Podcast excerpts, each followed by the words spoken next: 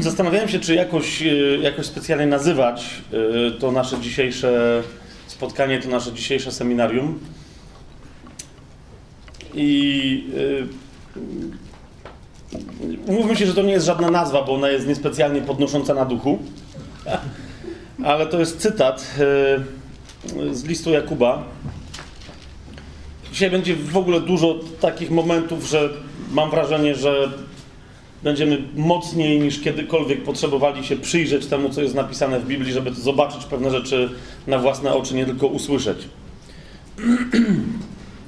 A ta myśl na, na dzisiejszy dzień, która ma być ostrzeżeniem dla nas, i z niej, z tego ostrzeżenia dopiero ma wyniknąć zachęta, to jest list Jakuba, czwarty rozdział.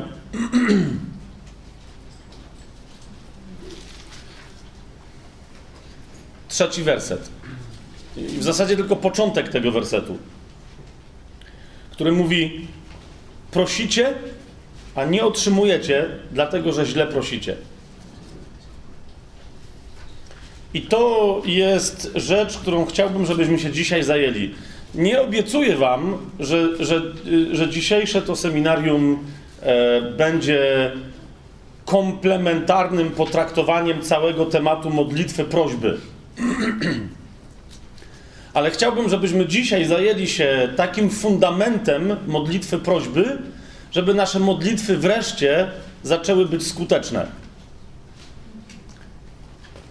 I kiedy mówię, żeby nasze modlitwy wreszcie zaczęły być skuteczne, to nie dlatego, że ja jakoś doświadczam jakiejś specjalnie nieskuteczności modlitwy, chociaż bywa, że tak jest, ale dlatego, że mm, odnoszę wrażenie, od jakichś trzech lat to wrażenie się we mnie pogłębia, że bardzo dużo mamy mówienia w kościele na temat tego, jak to wszystko możemy w tym, który nas umacnia, jak to powinniśmy się spodziewać, bo powinniśmy się spodziewać znaków, cudów itd., tak itd., tak a w najprostszych rzeczach codziennych zdaje się, jakby wielu chrześcijan nie otrzymywało należącej się im po prostu codziennej prowizji, że tak powiem. Zaopatrzenia od Pana, którego mają prawo się spodziewać, jeszcze raz powtarzam. Mówią, modlę się i nie dostaję. I co? Słusznie zaznaczając, że co tam będą kłaść ręce na chorych, e, jak czasem proszą o to, żeby jakieś rachunki zapłacić i nie mają pieniędzy na to, żeby je zapłacić. Hmm? Inni mają bardzo dużo pieniędzy, żeby zapłacić rachunki swoje i innych, ale mają problem na przykład z wychowaniem swoich dzieci. Albo mają problem w małżeństwie, w którym czują się nieszczęśliwi i tak dalej, i tak dalej, i tak dalej. I teraz już nie powiem, że koniecznie słusznie, ale no może słusznie, może nie, podnoszą głowę z nad swojego codziennego życia i mówią: zaangażuję się w przebudzenie, które mówicie, że ponoć już jest w Polsce, zaangażuję się w służbę Panu, zaangażuję się w posługiwanie się moim darem, takim czy innym, dla Kościoła lub poza Kościołem, zaangażuję się w ewangelizację, zaangażuję się w świadectwo pod warunkiem, że Bóg mi pomoże uporządkować moje życie, bo jest w totalnym chaosie. Modlę się o to i nic. To z czym mam potem iść, z jakim świadectwem do ludzi na zewnątrz? Są tacy, którzy wychodzą ze świadectwem do ludzi na zewnątrz, wychodzą ze służbą na zewnątrz, po to, żeby uciec od problemu nieuporządkowania swojego życia i tego, że nie są swoim życiem osobistym usatysfakcjonowani. Więc teraz mam nadzieję, że nikomu tutaj z Was nie dotknąłem jakiegoś bolesnego tematu tabu, znaczy, gdyby dla kogoś to był temat tabu, że mm, nie, nie, i żył w jakiejś takiej doktrynie, że co, co ty, my chrześcijanie jesteśmy zarąbiście szczęśliwi, latamy wszędzie, wszystko gra, nad głową nam lata motylek, a przed nami bierze baranek, no to fajnie macie.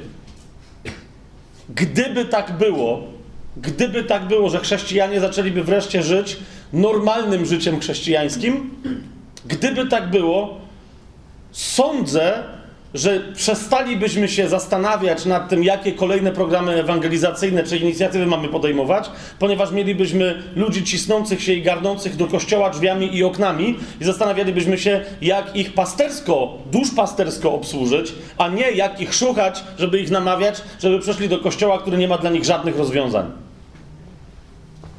I teraz, i teraz, zanim pójdziemy dalej, ja nawet nie będę, kochani, tej myśli rozwijał za specjalnie, ponieważ myślę, że Jakub wyraził ją dość jasno. On mówi jedną, jeżeli masz pytanie, dlaczego się modlisz, a nie dostajesz od Boga tego, o co prosisz, on mówi, no to, to, to prawdopodobnie dlatego, nieprawdopodobnie, tylko on mówi, że jest jedna, jedyna przyczyna, dla której chrześcijanin nie dostaje tego, o co prosi. Mianowicie, że, że proszą, nie otrzymuje, kiedy prosi, ponieważ źle prosi. Kropka. A zatem, żebyśmy, rozumiecie, yy, mając to w zanadrzu, Mając to w zanadrzu, jako, jako, jako bacik, którego myślę, że potrzebuje pewnej dyscypliny umysłowej i dyscypliny duchowej, nie wybrałem dzisiaj tematu, jak skutecznie się modlić i dzięki cudownej modlitwie mm, zwycięskiej mieć w życiu wszystko, co, czego chcemy i jeszcze ponad to. Nie, rozumiecie, bo, bo odnoszę wrażenie, że tego rodzaju tytuły, tego rodzaju zachęty, tego rodzaju kazania, całe nauczania w chrześcijaństwie, jedyne czym skutkują, kiedy nie ma tej drugiej strony, jedyne czym skutkują to pobudzanie y, serc chrześcijan do chciwości, a więc do grzechu. A więc do tego, że potem chrześcijanin, jak się dowie o kolejnej technologii modlitewnej, szybko leci na modlitwę, żeby teraz dostać to, czego chce i zaczyna się źle modlić. Właśnie z tego powodu postawy swojego serca. A więc, a więc chciałbym, żebyśmy się dzisiaj zajęli i teoretycznie, i praktycznie, w sensie, żebyśmy zobaczyli, co, e, co nam Biblia mówi e, na, na, temat właściwej modlitwy, dobrej modlitwy, bo skoro e, modlitwy prośby, skoro Jakub mówi źle się modlicie, źle prosicie, to znaczy, że można też dobrze prosić. No zgodzicie się, tak? No, to mówi, dostaniecie, jak, się będziecie, jak będziecie dobrze prosić. Więc powiedziałbym, nie jest celem naszej dzisiejszej modlitwy, jak osiągnąć w swoim życiu cokolwiek zechce porządliwe serce przy pomocy właściwej technologii modlitewnej, ale, ale, ale celem naszym dzisiaj jest zrozumieć, co to znaczy dobrze prosić. Co Biblia rozumie przez dobrze, przez dobre proszenie. I jednocześnie cały czas musimy pamiętać, e, że jeżeli chociaż raz mieliśmy w życiu doświadczenie prośby, po której zaczynaliśmy gorzknieć, bo nie widzieliśmy jej wysłuchania, to znaczy, że doświadczyliśmy w swoim życiu złego proszenia. Jak zobaczymy, co, co, co stanowi przyczynę złego proszenia, to myślę, że powinniśmy może i bardzo szybko, ale jednak poważnie pokutować w swoim sercu. Jednym z elementów wejścia w dobre proszenie będzie poruszenie serca, które przyprowadzi cię do pokuty za złe proszenie. No, jak zobaczymy, skąd się bierze u chrześcijan złe proszenie. I teraz, dlaczego to mówię od razu? Bo, bo wiecie, żeby później nie było za, za, za godziny, że ktoś się przestraszy e, tym, co powiem, więc od razu mówię, że pokuta jest związana z tym, że ktoś źle prosi, jest nazwany w czwartym wersecie przez Jakuba cudzołożnikiem albo cudzołożnicą. Źle prosi cudzołożnik albo cudzołożnica. Źle prosi ktoś, kto zdradza swoją żonę albo swojego męża. W tym wypadku, kto zdradza nawet nie, niekoniecznie osobiście, ale także na łonie całego kościoła wraz ze swoją wspólnotą ze swoim kościołem, ze swoim zborem zdradza swojego jedynego prawowitego e, męża, którym jest Pan Jezus. Ale o to mi chodzi, tak? Świadomość złego proszenia jest związana z uświadomieniem sobie, w czym cudzołożymy, myśląc, że jesteśmy pannami o niepokalanych białych sukienkach. Więc dlatego od razu mówię, jeżeli ktoś dziś zostanie dotknięty, e, to dobrze. się nie przestraszy. Jak ktoś zostanie dotknięty e, i duch go złamie w sercu do pokuty, to niech, to niech nie słucha dalej, co ja gadam, ponieważ to znaczy, że się stało to, co się miało stać, niech wyjdzie gdzieś tam i pokutuje. Ale ostrzegam y, od razu, że jeżeli to się nie wydarzy, to nici będą również z całej naszej modlitwy, e, nawet jeżeli będziemy wiedzieć, co to znaczy dobrze się modlić. W, w dobre proszenie w tą, w cudzysłowie, dobrą modlitwę, bo po prostu modlitwa albo jest dobra, albo w ogóle nie jest modlitwą. Jakub trochę, wiecie, konstruuje paradoks. Mówi, prosicie na modlitwie, ale źle to robicie. No jak ktoś to źle robi, to się nie modli.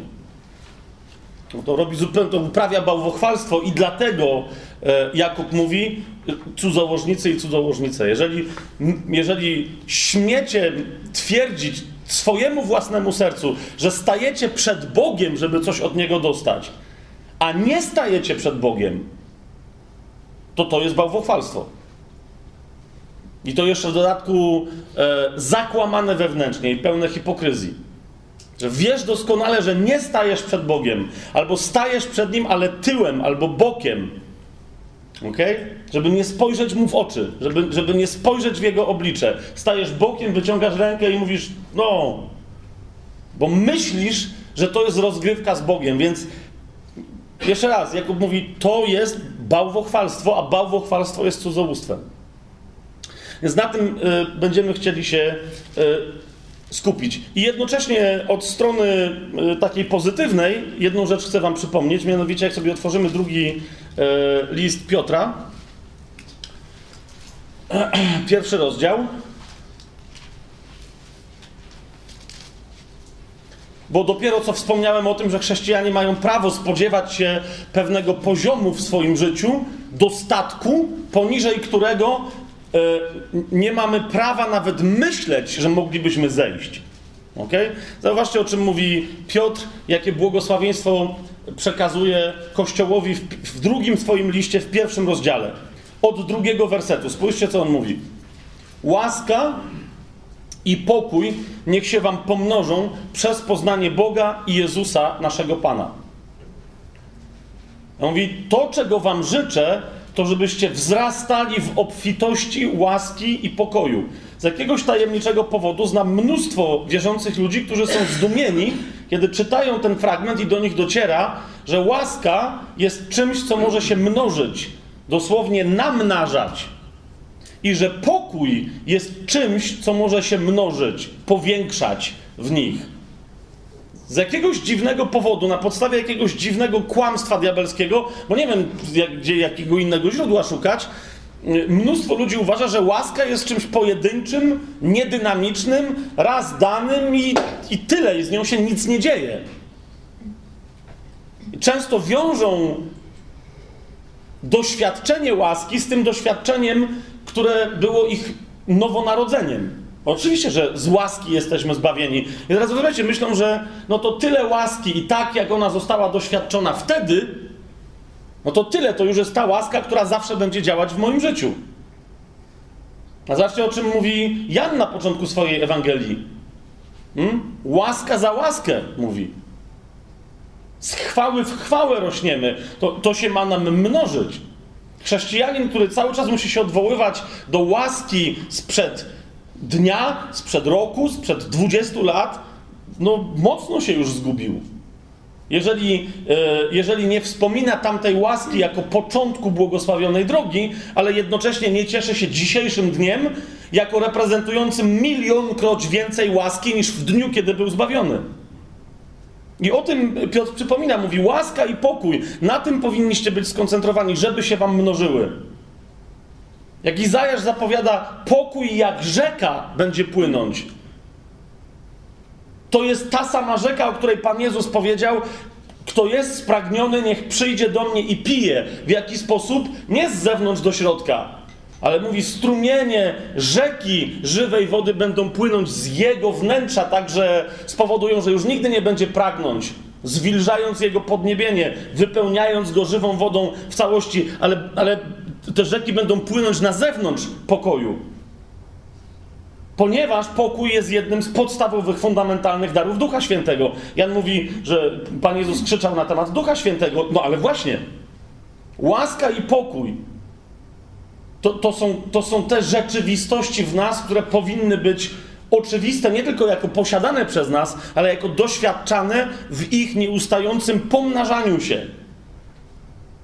No ale wybaczcie, nie będę zadawać pytania, bo tu wiem, tu wszyscy oczywiście mają pokój, potąd, więc nie będę zadawał pytania, czy, czy komuś z Was brakuje wewnętrznego pokoju. Prawda? Z drugiej strony, może jakbym zadał to pytanie i powiedział, żeby ktoś podniósł rękę, to nie chcę też nikogo zmuszać do kłamstwa publicznego, więc jakby, no rozumiecie o co chodzi.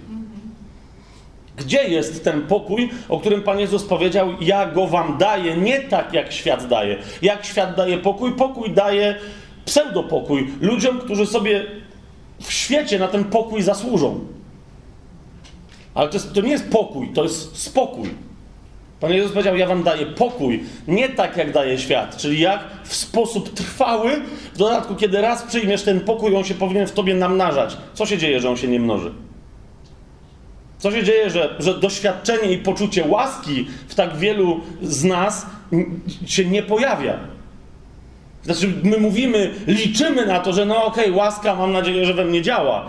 Ale, ale rozumiecie, nie mamy doświadczenia namnażającej się łaski bardzo często. Ale popatrzcie dalej, co, co, pisze, co pisze Piotr. Mówi, łaska i pokój niech się wam pomnożą przez poznanie Boga i Jezusa, naszego Pana, ponieważ Jego boska moc już nas obdarzyła wszystkim, co potrzebne do życia i pobożności. Przez poznanie tego, który nas powołał do chwały i cnoty. Jaka jest myśl zawarta w tych dwóch wersetach? Gdybyśmy odwrócili, bo rozumiecie, to jest sposób myślenia i, i przedstawienie retoryczne problemu, y, typowe dla, dla starożytności, dla umysłu hebrajskiego i dla języka greckiego. Ale jakbyśmy mieli po polsku to powiedzieć, a więc myśląc dzisiejszym, z, y, chciałem powiedzieć, skażonym sposobem myślenia, E, naznaczonym przez łacinę i przez język angielski sposobem myślenia, to przeczytalibyśmy to, to, zdanie, to zdanie w następujący sposób. Kochani, ponieważ przez to, jak już poznaliście naszego Pana i Zbawiciela, Jezusa Chrystusa, a w nim Jego Ojca, ponieważ przez to poznanie boska moc obdarzyła nas już wszystkim, co jest potrzebne do życia biologicznego, fizycznego i materialnego oraz wszystkim, co jest potrzebne do pobożności, a więc do tego, żeby się oddzielić od świata oraz mieć środki na wspomaganie sierot i wdów.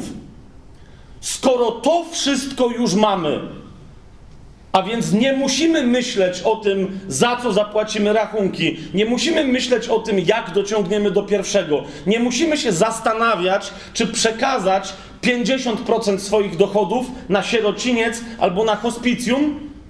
Skoro nad tym wszystkim nie musimy się już zastanawiać, to zwracam Wam uwagę, jest jeszcze, jeszcze jedna rzecz, której nie mamy tyle, ile byśmy mogli mieć. Mianowicie doświadczenie łaski i pokoju. To jest myśl, którą Piotr, zobaczcie, że on tak mówi. Łaska i pokój niech się wam pomnożą przez poznanie Boga i Jezusa Chrystusa, jako że Jego boska moc już obdarzyła nas wszystkim, co potrzebne do życia i do pobożności. Skoro, skoro w ramach życia i pobożności mamy już wszystko, no to skupcie się na łasce i na pokoju. Dlaczego chrześcijanie nie mają doświadczenia namnażającej się łaski i pokoju dzisiaj? Bo niespecjalnie mają doświadczenie, żeby mieli wszystko potrzebne do życia i do pobożności. Rozumiecie o co mi chodzi? To, to jest to.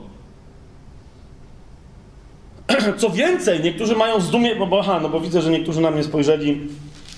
Dlaczego powiedziałem, że y, życie no to, to jest zapewnienie nam, nam tego wszystkiego, co jest życiem, a pobożność jest związana z oddzieleniem się od świata i ze wspieraniem e, sierot i wdów, e, ponieważ taka jest definicja w Biblii pobożności.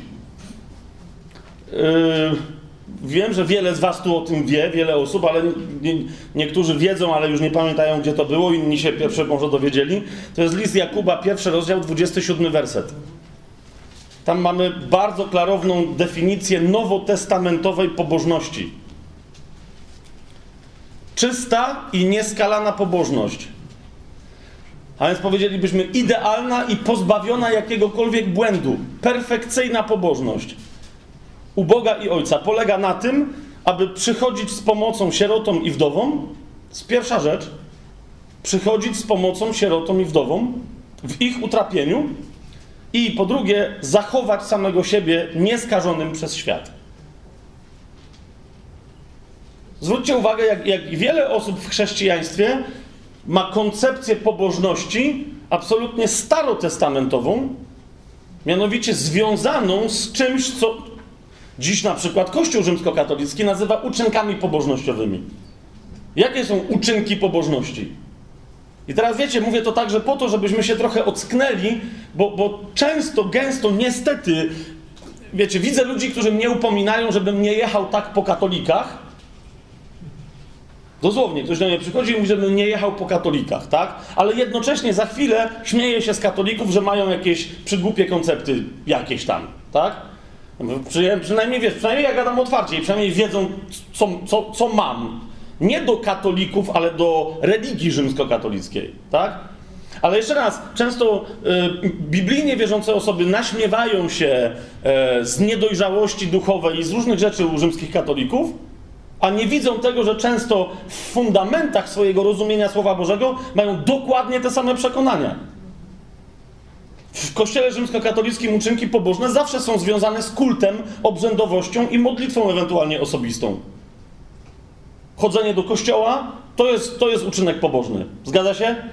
Czy ja mam, mam tam, nie powiem kogo, ale chodzi mi o to, że mamy wybitnego specjalistę, prawie takiego znacznie lepszego niż ja od, od tych, więc tam będę, będę się potwierdzał, ale kto z was nie był, znaczy zaraz nie, niektórzy nie byli w kościele katolickim, ci błogosławią Pana, ale niektórzy byli właśnie, tak? Więc wiecie o co chodzi. Chodzenie do kościoła to jest jedna z takich rzeczy.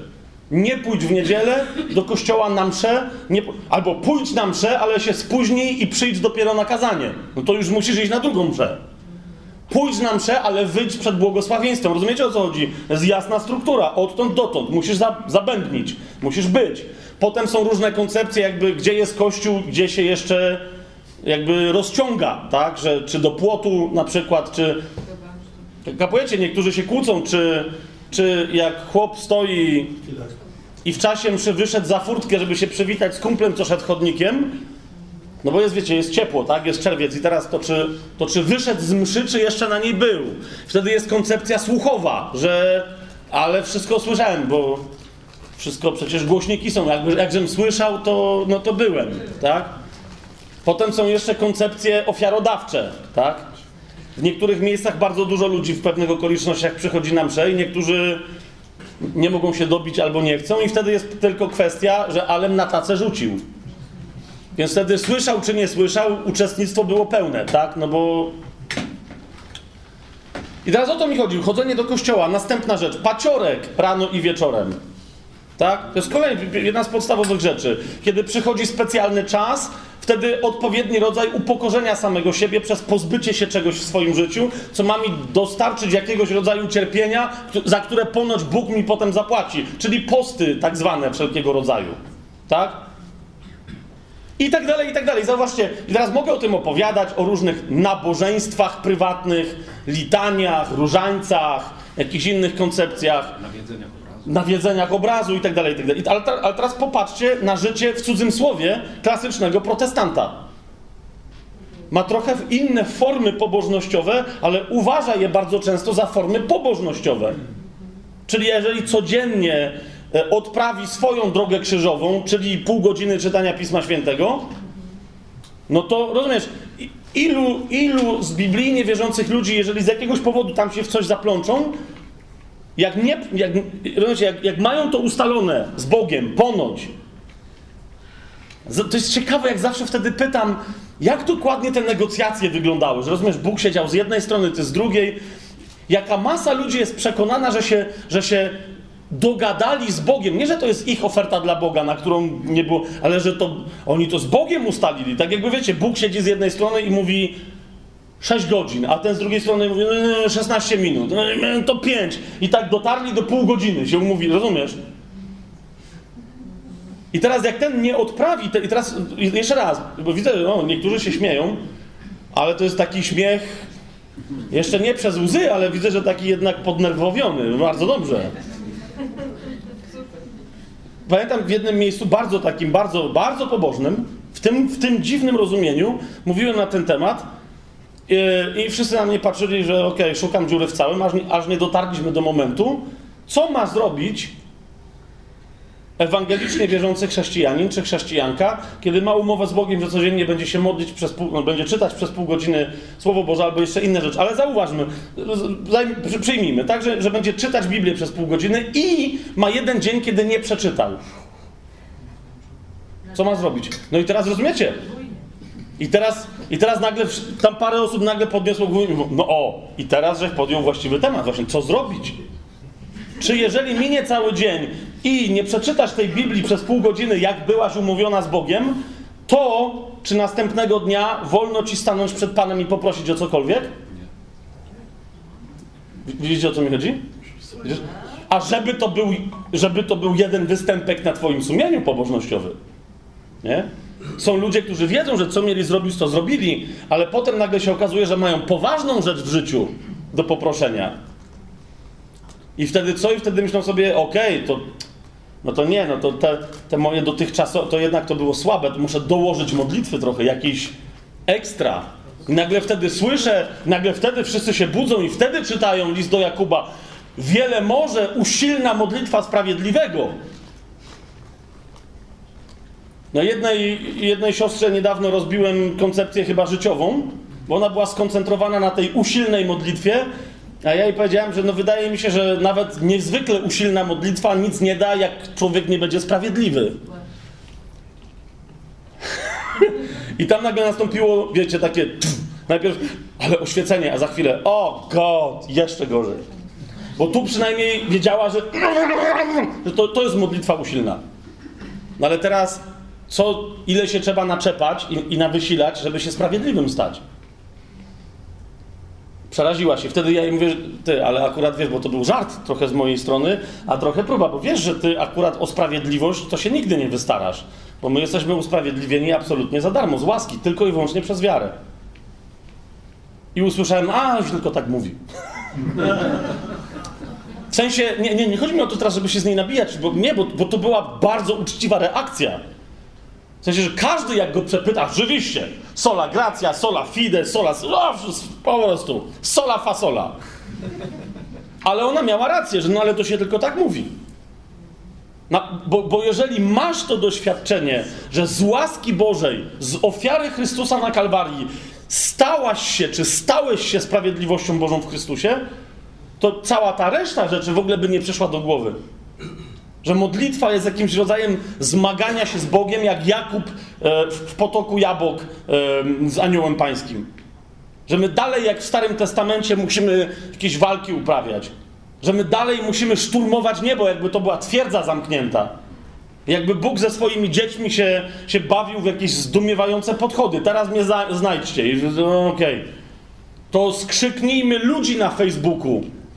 Trzy tysiące modlących się. Jest! Łańcuszki lecą, sygnały, posłuchaj, jest ważna sprawa, przekaż dalej. I nagle 10 tysięcy osób się modli. Naprawdę? No, no, I naprawdę robią to ludzie, którzy, którzy są usprawiedliwieni z łaski przez wiarę i mają Ojca w niebie, który z tego nieba zaczął mieszkać w ich sercach razem ze swoim Synem i z Duchem Świętym. O to właśnie mi chodzi. Znacie, że, że to, w co my naprawdę wierzymy, wychodzi w praktyce. A nie w tym, co mówimy, że wierzymy, ale to wychodzi w praktyce. I to dzisiaj chcę zakwestionować.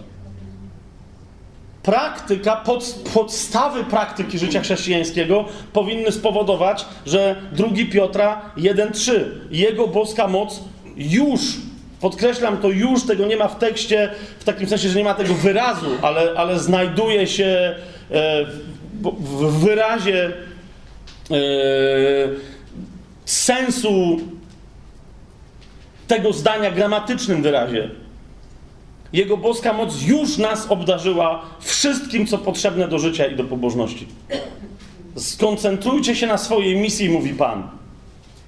Skoncentrujcie się na tym, co poprzez łaskę w Was może się wydarzyć w życiu, Waszym i innych, na których będziecie mieli wpływ. Skoncentrujcie się na pokoju, który ja Wam dałem i którego od momentu, gdy go Wam dałem, nikt Wam nigdy nie odebrał. To, że go nie doświadczacie, to jest Wasz problem, bo nie chcecie go doświadczać. I kolejna rzecz to są chrześcijanie, którzy proszą, żeby się z nimi modlić o pokój, żeby wreszcie otrzymali łaskę pokoju. I, i, I następny problem to są tacy, którzy dają się namówić na takie modlitwy. Nie można wyprosić u Boga, o to, o to mi chodzi, nie można wyprosić u Boga czegoś, co On już dał. Ponieważ gdyby Bóg dla świętego spokoju z nami to, co nam dał, wziął i dał jeszcze raz, to wtedy byłby kłamcą, że już dał. Rozumiecie? My nie. Dlatego Jakub mówi, pewne wasze postawy powodują, że źle prosicie. A, a jeżeli jeszcze to jest, to jest publiczne proszenie, to jest publiczna postawa modlitwy wobec innych, zwłaszcza niewierzących, to wtedy publicznie robicie z Boga kłamcę. Rozumiesz, bo jeżeli ty już coś masz, a publicznie wobec innych ludzi twierdzisz, że musisz dalej prosić, bo jeszcze nie masz, to albo ty kłamiesz, albo Bóg skłamał, że już ci dał. O to chodzi. O to chodzi. Zatem przyjrzyjmy się, kochani, modlitwie. Dzisiaj zwłaszcza jej takie, bo, bo mówię, nie, nie, nie, nie, nie przyjrzymy się jej komplementarnie. Nie spojrzymy na nią całościowo, różne aspekty rozważając, ale jest jeden aspekt, niezwykle istotny aspekt modlitwy, który, o, o którym chcę dzisiaj powiedzieć, y, ponieważ mam wrażenie, że został usunięty nam sprzed oczu.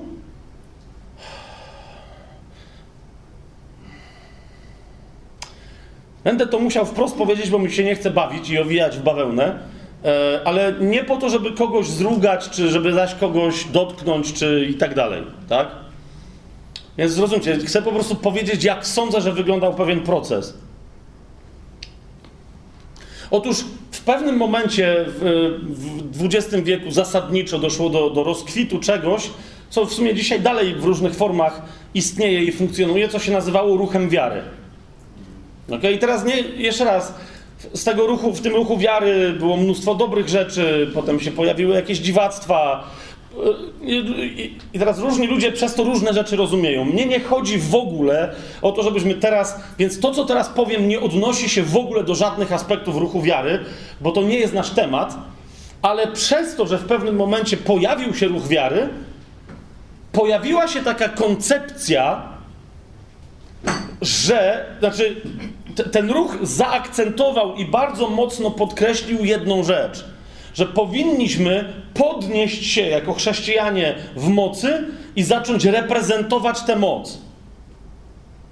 I teraz akcent pojawił się. Jeżeli razem ze mną e, otworzycie Ewangelię Marka, e, to będzie, myślę, e, taki najbardziej charakterystyczny tekst z mojego punktu widzenia dla ruchu wiary. Jeden z takich najbardziej charakterystycznych tekstów to jest Ewangelia Marka, 11 rozdział, 23 werset. Z jedna z tych rzeczy, które ruch wiary, e, akces, z, między innymi z powodu tego tekstu, nazywał się ruchem wiary. I teraz jeszcze raz zrozumcie, ja nie chcę teraz ani jakoś ani krytykować ruchu wiary, ani go popierać. Nie, nawet nie twierdzę, że to, jest, że to, co teraz powiem, stanowi problem, tylko jaki z tego akcentu wyniknął później problem. Czy to jest jasne, co, co ja mówię? Żeby tu się nikt nie potrzebnie na nikogo nie obrażał. Na mnie możecie, ale na innych ludzi. Spokojnie. Więc więc w pewnym ruch wiary wziął ten fragment i powiedział: Dobra, zastanów, dlaczego my tego nie mamy w chrześcijaństwie. To jest tekst Pana Jezusa, bo zaprawdę powiadam wam, że kto powie tej górze, podnieś się i rzuć się w morze, a nie zwątpi w swoim sercu, lecz będzie wierzył, widzicie, to jest to, tak? Po prostu, wystarczy, że będzie wierzył, stanie się, że stanie się to, co mówi, spełni się mu, uważajcie, cokolwiek powie. No i teraz mówią, no to, to co się dzieje? Dlaczego to nie działa? Co trzeba zrobić, żeby to zaczęło działać? Bo obietnica pańska jest jasną obietnicą. I teraz, yy, ko kochani, ja teraz nie będę rozważać, czy to jest słuszne podejście, czy niesłuszne, nie o to mi chodzi, ale chcę wam pokazać, jaki jeden problem z tego wyniknął, który mam wrażenie, że, że dzisiaj w ramach tej dyskusji, na przykład na temat sensowności albo nie ruchu wiary, na temat yy, prawowierności albo heretyckości ruchu wiary, prawie wszyscy nie zauważyli, jak jedna kluczowa, fundamentalna rzecz nam kompletnie umknęła. Mianowicie zobaczcie, Pan Jezus mówi, zaprawdę powiadam wam, kto powie tej górze. podnieś się i rzuć się w morze. Zgadza się? Zwróćcie uwagę, sami pomyślcie, czy kiedy czytacie ten fragment, nie zastanawiacie się, aby nad wielkimi, naprawdę wielkimi, kompletnie niemożliwymi normalną drogą do osiągnięcia rzeczami. No bo kto powie tej górze, to jest cud, tak? Kto powie do nogi, bo ktoś ma urwaną nogę i teraz w imieniu Jezusa Chrystusa nakazuje, żeby urosła w to miejsce nowa noga, to jest cud. Jest ktoś chory na raka, ten położył ręce, rozkazuje ci raku, usuń się, tak? I, I teraz ten jest zdrowy, to jest cud. Więc o co mi chodzi? Że do tej zasady, o której Pan Jezus tu mówi, myśmy przywiązali działania, które są ekstremalnie niezwykłe, cudowne, nadzwyczajne. I teraz uważajcie na co. Masa ludzi przestała przyglądać się temu tekstowi i zawartej w niej fundamentalnej zasadzie w odniesieniu do swojego zwyczajnego, codziennego życia. Oni mówią, to jest zasada do rzucania górami. A ja nie chcę rzucać górami. Sporo ludzi odeszło e, na przykład z ruchów charyzmatycznych i tak dalej, bo w momencie chcieli rzucać górami, nie rzucili, no powiedzieli, a w ogóle to jest dziadostwo, idźmy. I teraz, rozumiecie, u, u, żyją, zresztą wielu ludzi w kościołach zielonoświątkowych, charyzmatycznych i tak dalej, i tak dalej, uważa, że ta zasada tyczy się ekstra charyzmatycznego działania. Ale na przykład, że tu nie ma żadnej zasady, która by się odnosiła do Twojej prośby takiej zwyczajnej do Boga o zaopatrzenie, o, o mądrość, o rozeznanie w życiu, kiedy podejmujesz decyzję, rozumiesz, czy zostać w tym zborze, czy wyjechać na misję, czy jeszcze coś zrobić. Rozumiecie, o co mi chodzi? Że ludzie jakby mówią, dobra, to jest zasada na temat rzucania górami, to jest zasada na temat cudów, znaków, ekstra służby. Ale co ona mi mówi na temat mojego zwyczajnego, codziennego chrześcijańskiego życia i na temat tego, jak mam normalne, oczywiste rzeczy w życiu pozyskiwać? To teraz chcę Wam zwrócić rzecz, uwagę na jedną rzecz. Zobaczcie jeszcze raz. Niezależnie od tego, że Pan Jezus mówi o rzucaniu górami, to mówi na końcu tego zdania o czymkolwiek. Popatrzcie, on mówi: spełni się Wam cokolwiek powiecie. Cokolwiek ktoś powie, to mu się spełni. Cokolwiek to znaczy każda rzecz z dowolnych, o których możesz pomyśleć. To nie jest tylko góra. Może być na przykład zdrowie twojego dziecka, które no niekoniecznie umiera, chodzi o może po prostu ma gorączkę. Tak? To, to, a to nawet nie, bo to nadal niektórzy mówią, ale to już jest uzdrawianie. Okej, okay, no to, no to zostanie przy oczywistych rzeczach. Chcesz się lepiej modlić. Mówisz, Boże, moja modlitwa nie jest tak gorąca jak kiedyś. Chcę pójść krok dalej, wejść na inny level. I, i tak, rozumiesz? I teraz ktoś pyta, no i gdzie, jest, gdzie tu jest jakaś zasada? Zasada jest w samym środku tego zdania, kochani. Zobaczcie. Nieważne, co ktoś powie, czy o co się będzie modlił i jaki będzie jego cel, bo ostatecznie chodzi o cokolwiek. Pan Jezus mówi: Jeżeli powie, a nie zwątpi w swoim sercu, ale będzie wierzył. A więc Pan Jezus powiedział: Wiara, która jest kompletnie wolna, kompletnie, bez żadnego wyjątku od zwątpienia. I teraz, jeżeli ktoś z Was zada pytanie, dobra, fajnie, ale to wiesz, już na, na temat tego tekstu to już milion nauczycieli gadało i akurat czemu Ty uważasz, że tak jest? Uważam, że tak jest, ponieważ Biblia w innym miejscu dokładnie tak mówi, w odniesieniu do, w cudzym słowie, zwyczajnej modlitwy. Tu Pan Jezus mówi o rzucaniu górami, ale zobaczcie, co mówi Jakub, że do niego zaproponuje, żebyśmy wrócili. Otóż w liście Jakuba, w pierwszym rozdziale, zaraz na wstępie, to jest pierwszy rozdział, piąty werset i dalej. Jakub mówi następującą rzecz. Jeżeli komuś z Was brakuje mądrości, zauważcie o co chodzi. To jest kwestia duchowa. To nie jest kwestia cudu materialnego, to nie jest kwestia otrzymania czegoś na zewnątrz i tak dalej. Jemu chodzi o mądrość Bożą, żeby zrozumieć pewne duchowe rzeczy. Spójrzcie, co on mówi. Jeżeli komuś z Was brakuje mądrości, Niech prosi Boga, który daje wszystkim, podkreślam, obficie i bez wypominania. Kolejny ja, surowy Jakub, który mówi: prosicie, ale źle prosicie. Na wstępie swojego listu mówi, że Bóg daje obficie i bez wypominania. Więc mówi: jeżeli komuś z Was brakuje mądrości, niech prosi Boga, który daje wszystkim obficie i bez wypominania, a taka mądrość będzie mu dana. Ale zobaczcie szósty werset. Warunek o którym Pan Jezus mówił przy rzucaniu górami, jest dokładnie taki sam. Także dla pozyskania choćby odrobiny mądrości Bożej. Mianowicie Jakub mówi, ale niech prosi z wiarą, bez powątpiewania. I popatrzcie, on, on, nie mówi o cudach, on nie mówi o znakach, nie mówi o usłudze charyzmatycznej, nie mówi o spektakularnej ewangelizacji, mówi o prostej rzeczy, którą masz uzyskać w swoim sercu, w swoim duchu i w swoim umyśle. Mówi, ale niech prosi z wiarą, bez powątpiewania. Kto bowiem wątpi, zwróćcie uwagę na to, podobny jest do fali morskiej pędzonej przez wiatr i miotanej tu i tam. Siódmy werset. Człowiek taki niech nie myśli, że cokolwiek otrzyma od Pana. Rozumiecie o co mi idzie? Pan Jezus zaczął, mów nawet do góry, ale niech Twoja wiara będzie wolna od zwątpienia, a wtedy czy powiesz do góry, czy poprosisz o mądrość, cokolwiek chcesz, to się stanie. Jakub mówi odwrotnie. Mówi, drobna rzecz, nie rozumiesz o czym pisze, to poproś Boga, to ci objawi ale poproś z wiarą, bez powątpiewania, bo jeżeli ktoś prosi z wiarą, której towarzyszy zwątpienie, to nigdy nic nie otrzyma. Nawet rzeczy, które mu się należą, jak psu kość, nic nie otrzyma. Widzicie? I teraz o to mi chodzi. Nie, nie, yy, wiedziałem, że chodziło mi o to, żebyście dotrwali do tego momentu. Nie chodziło mi o krytykę ruchu wiary.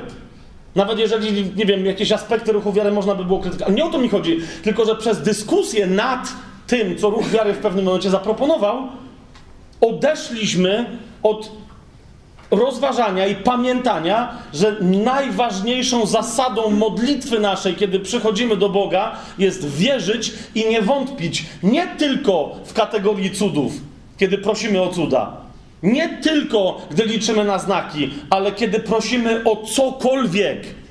O cokolwiek.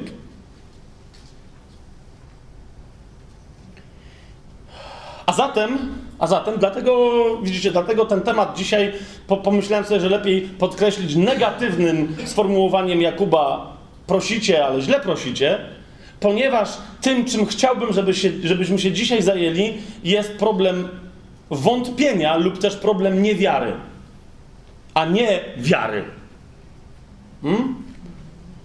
Bo Pan Jezus powiedział, że jeżeli ktoś z nas miałby wiarę malutką jak ziarenko gorczycy, to powie górze, żeby się rzuciła w morze i się rzuci. Tylko tyle, tylko tyle wystarczy, żeby rzucić górą w morze. Ale rozumiesz, możesz mieć wiarę ogromną, nie, nie jak ziarenko gorczy, możesz mieć wiarę jak Giewont, możesz mieć wiarę jak Tatry, możesz mieć wiarę jak całe Karpaty. I niczym nie rzucisz, piórka palcem nie podniesiesz, jeżeli będziesz mieć w sobie zwątpienie jak ziarenko gorczycy. Z zatem nie wątpię, że mamy wiarę. Rozumiecie? Nie wątpię, nomen omen, że mamy wiarę. Mam wiarę, że mamy wiarę. Kto jest zbawiony? Tu na tej sali, ja to przecież mnóstwo ludzi już teraz się z, z, większością dobrze znamy. Wiem, wiem, że ty, siostro, ty, bracie, jak i ja jesteśmy zbawieni. Jak to się stało? Przez wiarę, którą mieliśmy. Duch Boży zaczął działać w nas, a kiedy Duch Boży zaczyna działać w nas, to przynosi w nas i poprzez nas owoc. Więc nawet jeżeli ta nasza wiara na początku musiała być zmysłowa, bo jaką inną mieliśmy mieć, to był odruch serca, które wciąż było kamienne, to przyszedł duch i, jednym z owoców jego przyjścia, yy, nazw owoców jego przyjścia, bo owoc jest jeden, to jest miłość, ale ta miłość objawia się bardzo często jako nowy rodzaj duchowej wiary, która jest prezentem od niego. List do Galacjan o tym mówi. Ok, widzę te spojrzenia. Otwórzmy list do Galacjan. Żebyście wiedzieli, o czym mówię.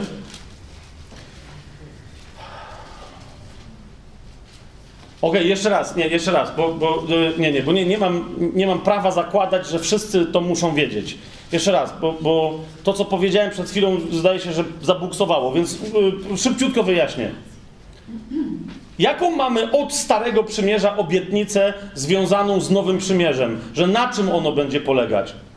Że Bóg zainterweniuje w sposób absolutnie suwerenny, bo chce i tego, kto wierzy, w dzieło wykonane przez Chrystusa, absolutnie wykończone, dokończone, wypełnione, doskonałe dzieło Chrystusa na krzyżu, do którego niczego się nie da już więcej dołożyć. Kto będzie wierzyć w to dzieło, bo uzna dowód, jakim jest zmartwychwstanie Chrystusa, że Bóg przyjął ofiarę, jaką Chrystus złożył za ciebie i za mnie. Kto będzie wierzyć w to dzieło, co się wtedy stanie? Bóg zainterweniuje natychmiast w sercu takiego wierzącego człowieka w jaki sposób?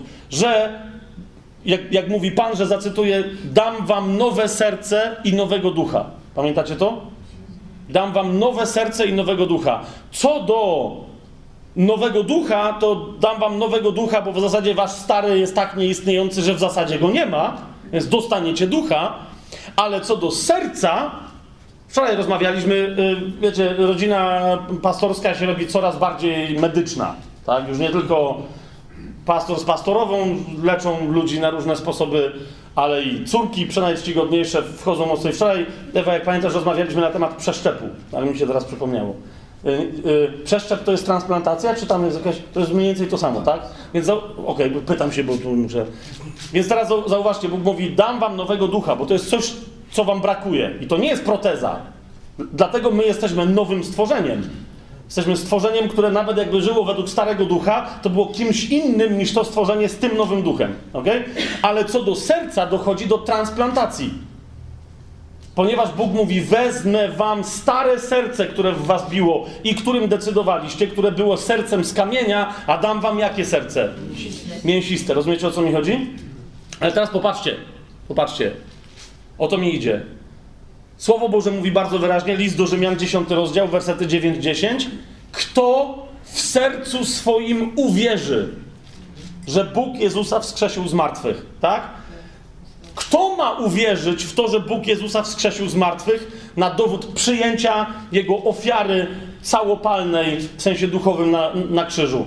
Grzesznik, który jeszcze ma kamienne serce. Amen? To nie jest odruch nowego serca, to jest odruch starego serca. A więc kto w swoim starym, kamiennym sercu uwierzy, że Bóg Jezusa wskrzesił z martwych, będzie zbawiony. Bo sercem przyjęta wiara prowadzi do sprawiedliwości, wyznawanie jej ustami do zbawienia. A zatem sercem przyjęta wiara prowadzi do sprawiedliwości.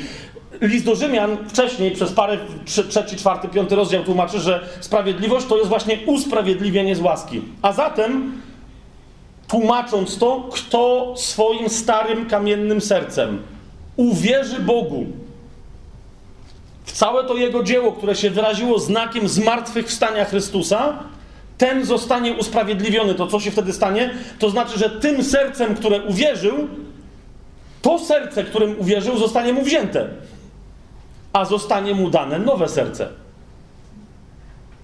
Dlaczego o tym mówię? Widzicie, kochani, bo to jest jeden z aspektów który stanowi dla niektórych pułapkę. Mianowicie, są, ostatnio mm, miałem bardzo taką ciekawą, poważną dyskusję, w ramach której zauważyłem u jednego brata takiego bardzo tradycyjnie, wielkie świadectwo, tak? Ale naprawdę miał łzy w oczach, żeśmy rozmawiali i ja mówię, posłuchaj, ty cały czas w swoim życiu uważasz, że ta łaska, inaczej, ta wiara, która pozwoliła ci przyjąć pierwszy objaw łaski, skoro przyprowadziła cię do usprawiedliwienia i do zbawienia, to jest równie dobra, żeby działać w całej reszcie twojego życia, prawda? I on mówi, no, no oczywiście, pomyśl siostro i bracie, czy, czy u ciebie też tak jest. Skoro ta wiara mnie zbawiła, on mówi, no nie, nie wiara, ale przez tę wiarę Jezus mnie zbawił, to przecież to jest równie dobra wiara, żeby robić cokolwiek innego. A ja mu mówię, ale wiesz o co chodzi? To jest wiara, której źródłem było serce, którego już nie masz. Rozumiesz o co chodzi? Ty cały czas próbujesz w sobie wzbudzić wiarę, której nie możesz w sobie już wzbudzić, ponieważ źródło tej wiary zostało ci zabrane, bo to było kamienne serce. Masz nowe serce, mięsiste, w którym działa duch. A zatem potrzebujesz przyjąć nowy rodzaj wiary. Rozumiesz, twoja wiara, jedyne do czego ci była potrzebna, to otworzyć się na Chrystusa. I zostałeś otwarty. Została otwarta twoja klatka piersiowa i Bóg ci włożył, no, wyjął stare serce, włożył ci nowe. Teraz potrzebujesz zrozumieć, czym jest nowy rodzaj duchowej wiary. Spójrzcie, Biblia o tym wyraźnie mówi, że kiedy przyszedł duch, przyniósł nam miłość, tak? To jest list do Galacjan, 22 werset. Owocem zaś ducha jest miłość. Według mnie po tym wyrazie powinna być, w tym y, zdaniu powinien być dwukropek, a nie przecinek. Dlaczego? List do Galacjan, 5 rozdział, 22 werset. List do Galacjan, 5 rozdział, 22 werset. Jeszcze raz zobaczcie. To zdanie mówi wyraźnie, a pisze je, a w każdym razie dyktuje Paweł, który jest niezwykle precyzyjny, gdy chodzi o tego, zwłaszcza, że Duch Święty, który przez niego przemawia, jest jeszcze bardziej precyzyjny. Zauważcie, o czym mówi to zdanie, że jest jeden owoc ducha, a nie ma wielu. Owocem ducha jest miłość. Pojedynczym owocem ducha jest miłość. Natomiast ta miłość przejawia się rozmaitymi w nas aspektami. I teraz powinien tu być dwukropek, to znaczy ta miłość objawia się w nas i daje nam doświadczać czego? Radości. Po drugie, pokoju. Po trzecie, cierpliwości. Po czwarte, życzliwości. Po piąte, dobroci. Po szóste, zauważcie, wiary. Wiary. Jeżeli ktoś z Was ma UBG, to ma tu przetłumaczone, że na końcu tego wersetu jest wiara. Zgadza się? Ale jeżeli ktoś z Was ma jakieś inne tłumaczenie, to prawdopodobnie w tym miejscu będziecie mieli wierność. Zgadza się? Dlaczego?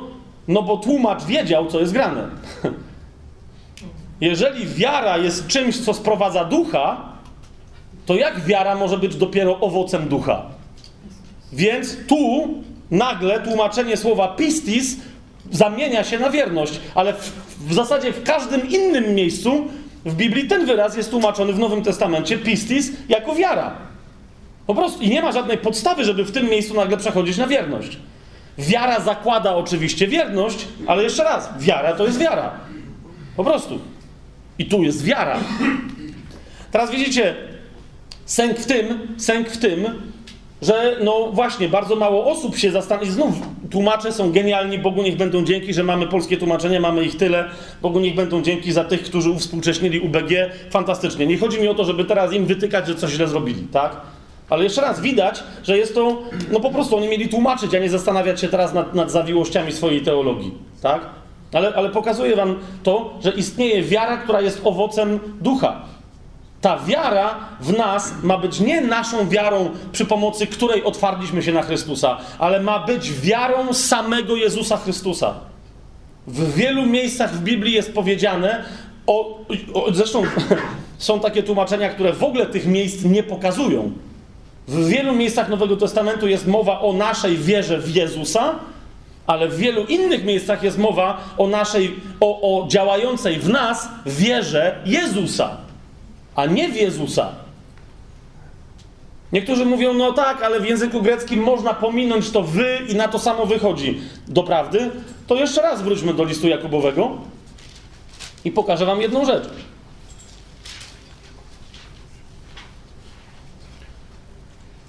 Mówiąc, mówiąc na przykład o tym, jaką my mamy mieć postawę wobec. Yy, Czyli, że nie powinniśmy rozróżniać w zboże między bogatymi a biednymi. Zwróćcie uwagę, od czego zaczyna Jakub. Który jest prosty, bo niektórzy mówią, że Paweł tam miesza po grecku. Doprawdy? Zobaczcie na Jakuba, drugi rozdział, pierwszy werset. Bracia moi, niech wiara kogo? Naszego Pana Jezusa Chrystusa, Pana chwały, w nas będzie wolna od względu na osobę. I jakby jeszcze komuś tego było mało, przejdźmy do, do listu do Hebrajczyków, cofnijmy się troszeczkę. Zobaczcie, o czym mówi list do Hebrajczyków wprost, bo tu już naprawdę nie ma żadnej wątpliwości. To jest dwunasty rozdział, drugi werset. Mówi o tym, żebyśmy patrzyli na Jezusa. Popatrzcie, co się dzieje. Twórcę i dokończyciela naszej wiary. Widzicie to? On w nas jest twórcą wiary i tym, który będzie prowadzić w nas proces jej doskonalenia, aż do momentu, kiedy ona się wydoskonali. On jest twórcą i dokończycielem naszej wiary.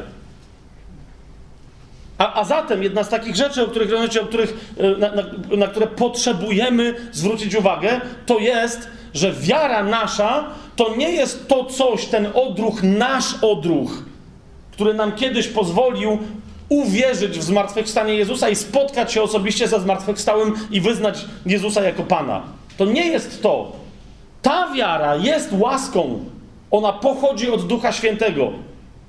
Jest jedno z najważniejszych dzieł Ducha Świętego w nas. Pozwolić Mu, żeby On zgodnie z wolą Jezusa budował w nas naszą wiarę i rozwijał w nas naszą wiarę. A do tego potrzebujemy, żeby również Duch Święty mocą słowa, jak miecza ostrzejszego niż skalpel chirurgiczny, żeby oddzielił w nas wiarę od zwątpienia, wiarę od niewiary, a następnie jak oddzieli, żeby niewiarę usunął z nas kompletnie. Potrzebujemy sobie z tego jasno zdać sprawę. Kolejna rzecz. Masa ludzi w chrześcijaństwie uważa, że wiara i niewiara to jest zasadniczo jedno zjawisko. To, że to jest jedno zjawisko. Że jeżeli ktoś ma wiarę, jeżeli ma więcej wiary, to ma mniej niewiary. Rozumiecie o co mi chodzi? Czyli, że niewiara jest po prostu brakiem wiary. No, gdyby tak było, to wtedy wystarczyłoby, żeby się pojawiło choć trochę wiary i już by nie było niewiary. A tymczasem zauważcie, jest jedna scena, wróćmy do Ewangelii Marka. Nie jedyna, ale bardzo istotna, która, y, w której jeden człowiek pod wpływem Ducha Świętego genialnie, ale to genialnie wyraża prawdę o istnieniu w sobie wiary i niewiary. To jest ojciec chłopca, który, który jest przez ducha nieczystego, ducha e, padaczkowego rzucany, gnębiony, rzucany w ogień, w wodę. Pamiętacie tę historię, tak? Jeszcze może do niej wrócimy, tylko chcę tylko zwrócić wam uwagę na jedną rzecz. To jest dziewiąty rozdział Ewangelii Marka. Jezus w ogóle wrócił e, i zastał swoich, bo, bo był nieobecny, i zastał swoich uczniów e, sfrustrowanych, bo nie mogli wyrzucić właśnie tego złego ducha. Tak? Mieli doświadczenie wyrzucania wszystkich złych duchów i nagle spotkała ich porażka. I teraz, teraz, teraz, y, teraz zobaczcie, co, y, od czego Jezus zaczyna rozwiązywanie problemu.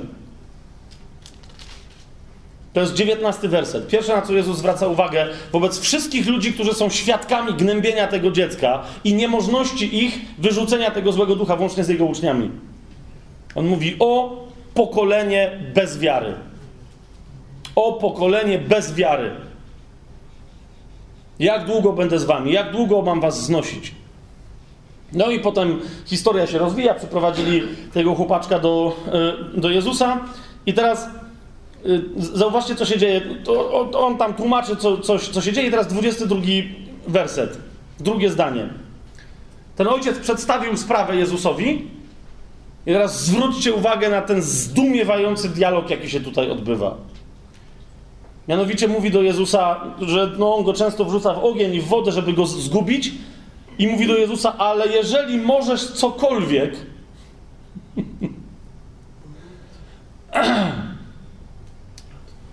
Znaczy, śmieje się trochę, trochę gorzko i trochę przez łzę własną. Eee, no, no, tak? Chłop stoi przed królem wszechświata i mówi mu, jeżeli możesz cokolwiek. Do tego, który stworzył niebo i ziemię, który, który, przez którego ojciec stwarzał wszechświaty, jak w innym miejscu mówi Biblia. Do tego, który, który skonstruował kosmos i do tego, który, który wymyślił, jak skonstruowany ma być człowiek w każdym mechanizmie biologicznym, atomowym, dowolnym, jaki sobie pomyślisz w człowieku, z całą tą komplikacją. I on jemu mówi, jeżeli możesz cokolwiek. I teraz fajnie jest popatrzeć na tego chłopa i się uśmiechnąć. A dlaczego mój uśmiech był gorzki? Ponieważ mam wrażenie, że my bardzo często tak przychodzimy do Jezusa i mówimy mu, Panie Jezu, no wiem, że Ty zmartwychwstałeś, tam wszystko super, no ale tu wiesz, tu jest, poważna sprawa, trzeba 600 zł, także jeżeli możesz cokolwiek. Dlaczego Wam na to y, zwracam uwagę? Bo za chwilę Jezus go skoryguje. I, i, i, I, mało osób w ogóle dostrzega tę korektę. Bo, bo popatrzcie, on mówi mu tak: jeżeli możesz cokolwiek, zlituj się nad nami i pomóż. A Jezus mu odpowiedział: jeżeli możesz wierzyć. Kropka. W niektórych tłumaczeniach, jeżeli nie macie UBG, bo, bo, UBG tu jest bardzo wierny oryginałowi, w niektórych tłumaczeniach tłumacze próbują z tej odpowiedzi Jezusa zrobić jedno zdanie. Ktoś z Was ma na przykład Biblię nie wiem, warszawską albo tysiąclatkę? Ktoś ma? Albo Ligę Biblijną? Warszawską. Warszawską macie. I co, I co tam jest napisane? Jakie tam jest zdanie? Wszystko jest możliwe dla wierzącego. Nie, nie, nie, to jest, mówię, mówię o yy, pierwszym, o, o, początku tego zdania. A Jezus rzekł do niego, co się tyczy tego, jeśli coś możesz, to wszystko jest możliwe dla wierzącego. No właśnie. Co się tyczy tego, jeśli coś możesz, tłumacz doskonale wie, że Jezus w, pierwszym, w pierwszej części swojego tego, co mówi, odpowiada na to założenie, jeżeli cokolwiek możesz. Ale ale Jezus nie mówi, jeżeli w odniesieniu do. Nie, Jezus go po prostu wprost koryguje. Jeżeli coś możesz, synu, jeżeli ty, zobaczcie, jeszcze raz wam to przeczytam, jeżeli ty możesz wierzyć, a nie jeżeli ja coś mogę. Jak ty podchodzisz i się zastanawiasz, czy ja coś mogę, to idź stąd. Moje pytanie brzmi, czy ty możesz wierzyć w to, że ja mogę wszystko, a nie cokolwiek. I, w, i, I wtedy po tej korekcie mówi mu, liczy się tylko Twoja wiara. Mówi mu, wszystko jest możliwe dla tego, kto wierzy. Rozumiesz? Więc czy jesteś wierzącą osobą? Bo na razie Twoje założenie, jeżeli coś możesz, demonstruje raczej niewiarę niż wiarę. I teraz zauważcie, ten facet, który słuchał Jezusa, bez dodatkowych e, didaskaliów od tłumacza, zrozumiał w Duchu Świętym, co mówi mu Jezus. I zobaczcie, jaka jest jego, jego odpowiedź. Natychmiast ojciec tego chłopca zawołał ze łzami w oczach: Wierzę, panie. I za chwilę dodał drugą rzecz: Zarać mojej niewierze. Rozumiecie? Do niego dotarło, że w nim działają dwie różne siły. Zresztą w języku greckim e, niewiara nie jest po prostu antytezą pistis, tak? Ona to jest prawie, ale to jest zupełnie, to jest apistia, to jest zupełnie inny, no nie zupełnie, ale to jest inny wyraz. Więc on mówi, wierzę Panie, wierzę, inaczej po co bym z Tobą rozmawiał, ale wskazałeś mi problem, zwróciłeś moją uwagę na problem, że mam w sobie również niewiarę. Wiecie o co chodzi? w momencie, kiedy, i, i teraz on do niego woła, zarać jakoś, tłumaczenie w UBG tu akurat jest trochę koślawe, e, bo tłumaczenie brzmi pomóż mojej niewierze. No, w sensie nie ma co jej pomagać. To trzeba utłuc dziadostwo i wywalić, a nie. E, e, tutaj się pojawia czasownik boetheo, to, to, znaczy, to znaczy zaradzić czemuś, tak? W sensie wobec jakiegoś problemu mieć jakąś radę albo jakiś sposób, który zastosowany usunie ten problem. Ja, jasne to jest? Więc to nie ma mowy o żadnej, żeby ktoś pomagał niewierze, tak? On mówi zaradź jakoś mojej, yy, mojej niewierze. Niektórzy też tu mają tłumaczenie, że niedowiarstwu, czy... Nie, nie, tu jest bardzo jasno, tu jest niewiara. Niewiara. I teraz, kochani, yy, żebyśmy się przyjrzeli bliżej, co się tu dzieje, w sobie mieli bardzo prostą definicję, czym jest niewiara, czym jest zwątpienie, bo to jeszcze inny wyraz, który się pojawia na oznaczenie tego zjawiska w nas. Jak możemy to zdefiniować i w związku z tym nie zdefiniować, ale zlokalizować w sobie, po czym poznać i jak wtedy zlokalizowawszy usunąć, będziemy potrzebowali się przyjrzeć pewnej historii, która nam o, o, o, o aspektach wiary i niewiary opowie. Hmm? Będziemy, myślę, że, że ponieważ kiedy na przykład Paweł rozważa temat niewiary, bo on do niego bardzo mocno podchodzi, tak? Najwyraźniej miał wiele nauczania na ten temat i dlatego w listach nie ma. Mm, no, no, to znaczy odnosi się do te, tego tematu wprost, ale widać, że, że bazuje na czymś, czego już nauczał wcześniej. I figurą pewną, do której najczęściej w Biblii się odnosi, jest historia i postawa Izraela, który wyszedł z Egiptu, a jeszcze nie wszedł do ziemi obiecanej. Ok? Więc będziemy chcieli sięgnąć w tamtą stronę. Teraz, kochani, e, zanim tam jednak sięgniemy, chcę Wam pokazać, żebyście rozumieli, że nie uprawiamy e, za chwilę, wobec tego, co zrobimy, nie będziemy uprawiać żadnej teologii e, alegorycznej.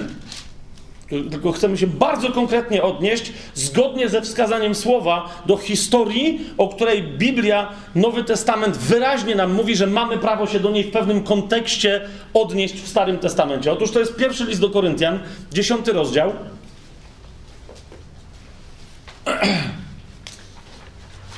W którym Duch Święty przez Pawła bardzo wyraźnie nam mówi, że ta konkretna historia ma być przez nas wykorzystana dzisiaj jako przez nowo przymierzowy, nowotestamentowy Kościół. To jest pierwszy list do Koryntian, dziesiąty rozdział. Przeczytajmy od pierwszego wersetu. Paweł rozpoczyna w charakterystyczny sposób ten, ten fragment. Mianowicie mówi: Nie chcę, bracia, żebyście nie wiedzieli, że wszyscy nasi ojcowie byli pod obłokiem. Dobrze, e, zanim pójdziemy dalej, zwróćcie uwagę na ten charakterystyczny początek. Nie chcę, żebyście nie wiedzieli jest tylko parę, parę dosłownie, na palcach jednej ręki możesz policzyć momenty, w których Paweł zaczyna w ten sposób. Nie chcę, bracia, żebyście nie wiedzieli. I zwykle to jest jakiś rodzaj tajemnicy, którą odkrywa. I mówi, od tej pory już wiedzcie i to stosujcie. Nie chcę, żebyście nie wiedzieli. Jest parę, niektórzy z was, widzę, że tu brat jeden już kiwa, wie doskonale o czym mówi. Jest parę takich miejsc, pismach Pawła, które się tak zaczynają i to są zawsze bardzo istotne, znamienne, ważkie e, wątki, tajemnice, które on objawia, pewne prawdy. Tu prawda no, jest sensacyjna. Naprawdę. Hmm? Mianowicie mówi tak, nie chcę bracia, żebyście nie wiedzieli, że wszyscy nasi ojcowie byli pod obłokiem i wszyscy przeszli przez morze. E, w sensie, no ewidentnie zwraca się tu do Żydów, i jakby, wiecie, no na wstępie można uznać, ale zaraz, e, naprawdę Paweł musi objawiać Żydom, że byli pod obłokiem i przeszli przez morze, no jakby, jakby tego nie wiedzieli, to by nie wiedzieli, że są Żydami chyba, tak? Ale to jest tylko początek myśli, bo niektórzy się na tym skupiają, bo to jest zdanie, które się ciągnie. Więc on im mówi: Nie chcę, żebyście nie wiedzieli, że wszyscy nasi ojcowie byli pod obłokiem, wszyscy przeszli przez morze, wszyscy w Mojżesza zostali ochrzczeni w tym obłoku i w tym morzu. A, a, a, a. Wszyscy w Mojżesza zostali ochrzczeni. Idziemy dalej. Wszyscy też jedli ten sam pokarm duchowy. Mm. Za chwilę w 11 rozdziale będziemy mieli wieczerzę. Wszyscy jedli ten sam pokarm duchowy i wszyscy pili ten sam duchowy napój. Pili bowiem ze skały duchowej, która za nimi szła. I teraz uważajcie, i tu jest objawienie. A tą skałą był Chrystus. Rozumiecie? Ale, ale, ale Paweł nie zostawia żadnego, żadnej wątpliwości w tej kwestii. Kto był obłokiem, a Stare Przymierze mówi wyraźnie, słupem obłoku, który szedł za Izraelem, oddzielając Egipcjan, także z ich strony był mrok, a świecąc Izraelowi, także wszystko wyraźnie widzieli. Kto był tym słupem obłoku? On mówi Chrystus. Gdzie ten obłok, kiedy go nie było widać jako obłok, gdzie się znajdował? W innych miejscach. On mówi tam, gdzie jakaś siła rozepchnęła wodę. Mówi, tam był ten obłok, dlatego oni przeszli suchą stopą. Gdzie jeszcze był? Tam, gdzie Mojżesz uderzył laską w skałę. I co myślicie, że nagle skała cudownie w środku dostała kranik? Nie. Tam był Chrystus na szczycie tej skały, który ją rozpołowił na znak, ale to On był źródłem wody. Zobaczcie, to jest, to jest tu wyraźnie napisane, a tą skałą, tą skałą, no, która szła za nimi, czyli która wcześniej była obłokiem, tą skałą był Chrystus. Ale teraz, teraz co jest istotne, bo za chwilę będziemy mieli, yy, mieli więcej informacji na temat tamtych wydarzeń, tylko chcę Wam zwrócić uwagę na jedenasty werset. Czyli, czyli e, Paweł się odnosi do konkretnych wydarzeń z życia Izraela, z początków istnienia, wolnego istnienia tego narodu, kiedy wyszli z niewoli. I, I, w pewnym momencie jakby chciał z, zwrócić uwagę Koryntian, że hej, hej, hej, ale e, żebyście zrozumieli, że ja się teraz nie bawię w jakieś alegorezy. Mówi im w 11 wersecie, a to wszystko przydarzyło się im dla przykładu i zostało napisane dla napomnienia nas, których dosięgnął kres czasów. Więc on mówi wprost: objawiam wam te tajemnice, że tam był Chrystus, żebyście jeszcze raz wrócili do pięcioksięgu i przeczytali, co się działo z Izraelem. Dlaczego? Ponieważ my, ich przejście przez morze było tylko zapowiedzią naszego chrztu. Ich przymierze pod, y, pod Synajem było tylko zapowiedzią nowego wiecznego przymierza w Jego krwi teraz, Jezusa Chrystusa. Ich jedzenie i picie, które było, które było cudem, jest zapowiedzią jedności ciała, którym my jesteśmy, które się opiera na tym, że łamiemy ten sam chleb. Za chwilę Paweł y, dokładnie o tym mówi w 16 wersecie. Kielich błogosławieństwa, które błogosławimy, czy nie jest społecznością krwi Chrystusa? Chleb, który łamiemy, czy nie jest wspólnotą ciała Chrystusa? My bowiem, chociaż liczni, jesteśmy jednym chlebem i jednym ciałem. My jesteśmy chlebem i my jesteśmy ciałem, i na znak tego łamiemy się chlebem. Ze sobą nawzajem, a nie dopuszczamy innych, którzy nie mogą się nim łamać, żeby nie obciążyli się wyrokiem. Jak później Paweł powie jeszcze dalej w tym samym liście. A więc on mówi, to były pewne figury zapowiadające nas jako Kościół, ale także pouczające nas, jak my, będąc już w tym ciele Chrystusa, mamy funkcjonować, aby wieść życie zwycięskie. Otóż zobaczcie, wróćmy do, do tego dziesiątego rozdziału, do piątego wersetu. Skoro Paweł mówi w jedenastym wersecie, y, wszystko to się przydarzyło, zostało napisane dla napomnienia nas, to w jakim aspekcie ma to nas napomnieć? Otóż Paweł mówi: Izrael dostał swój chrzest w Mojżesza przez przejście przez Morze Czerwone, swoje przymierze, swój pokarm duchowy. My mamy znacznie lepsze, ale, ale wciąż my możemy się okazać ludem o twardym karku, zesztywniałym, jak Izrael wtedy. Paweł mówi, oby się tak nie stało. Zobaczcie, piąty werset i dalej. Paweł mówi, ale większości z nich Bóg sobie nie upodobał. Polegli bowiem na pustyni. Znaczy, dosłownie rzecz ujmując, yy, większość z nich nie podobała się Bogu. Większości z nich Bóg nie to, że nie polubił, tak? Ale ze względu na dobro, które było przygotowane, uznał, że nie warto ich wpuszczać, żeby to dobro zanieczyścili, zabrudzili i dopuścili do ukradzenia, a więc do pozbawienia tego dobra wszystkich innych, którzy by je przyjęli yy, i przemienili w owoc. Ktoś powie, no ale my jesteśmy w Nowym Przymierzu, Bóg nas kocha. No i ich też kochał. Jest pewna wątpliwość, czy kochając wszystkie inne ludy na świecie, czy Bóg w tamtym czasie mógł skutecznie tę miłość e, w pełni innym ludom objawiać, ale Izraelowi powiedział, że im chce w pełni objawiać. Tak samo jak nam. I widzicie, nas, problem tego, czy się Bogu podobamy, czy nie, tak samo się tyczy jak ich. Ponieważ to, że Bóg Ciebie kocha i to, że Bóg mnie kocha, oznacza, że nie zawsze się mu będziesz podobać, a nie oznacza, że zawsze się mu będziesz podobać. I to musimy w chrześcijaństwie zrozumieć. Że wielką łaską jest to, że Bóg nas kocha kompletnie, całkowicie, bezwarunkowo. Tak nas kocha, że nas nigdy nie odrzuci, nawet jak się mu ekstremalnie nie będziemy podobać ale właśnie dlatego, że tak bardzo nas kocha, chce, żebyśmy osiągnęli pełnię potencjału, do którego nas stworzył. W związku z tym musi nas informować o tym, że czasami mu się nie podobamy, robiąc coś, a częściej nie robiąc czegoś, do czego jesteśmy stworzeni. Właśnie po to, żeby nas podnieść. Bo kiedy nie robimy tego, do czego jesteśmy stworzeni, kiedy nie rośniemy, nie wyrastamy w te osoby, którymi, którymi, które, które były zamyślone przez Boga, to stąd się bierze nasze nieszczęście. Jedyny i nie ma według mnie żadnego innego powód doczesnego nieszczęścia albo poczucia nieszczęścia żyjącego w tym ciele chrześcijanina czy chrześcijanki, to jest jego niezgodność z życiem, jakie Bóg dla niego zamierzył. Jeżeli z jakiegokolwiek powodu czujesz się w swoim życiu nieszczęśliwa, nieszczęśliwy, zaniepokojona, zaniepokojony, niedopełniona czy niedopełniony, to wynika z tego, że nie pełnisz doskonałej woli Bożej wobec siebie w swoim życiu. To nie Bóg ci nie daje, rozumiesz? To ty uciekasz od tego, co on obficie chce na ciebie wylać. A diabeł nas utrzymuje w tej pułapce, mówiąc: Nie mów, niech będzie wola Twoja. Twoja wola, ojcze, a nie moja, niech się stanie. Nie mów tak, bo będzie jeszcze gorzej. Rozumiesz, jakie to jest idiotyczne oszustwo? jest źle właśnie dlatego, że nie mówisz bądź wola Twoja.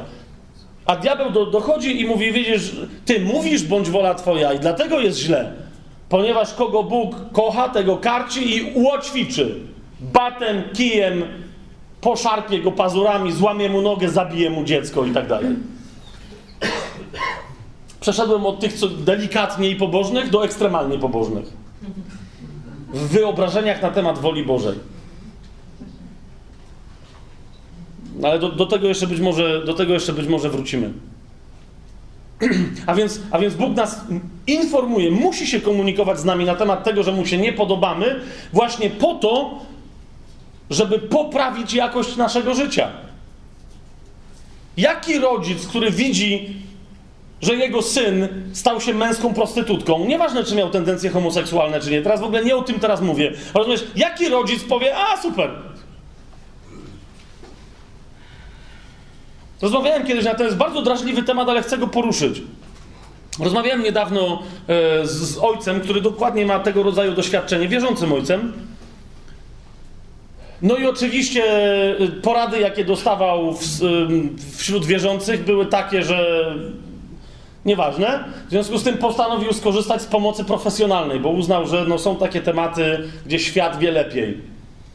Ale w ramach pomocy profesjonalnej na też rzecz, że mógł może trafić na lepszą pomoc profesjonalną, tak? Ale w ramach pomocy profesjonalnej, na jaką e, natrafił, dowiedział się, że ma okazać absolutną akceptację swojemu synowi. No I teraz rozumiecie, teraz się wydarzyły dwie rzeczy w jego życiu. Po pierwsze, zaczął oszukiwać sam siebie po to, żeby ratować syna. Już nie chodziło, jeszcze raz rozumiecie, nie chodziło o ewentualne tendencje, jakie mógłby mieć.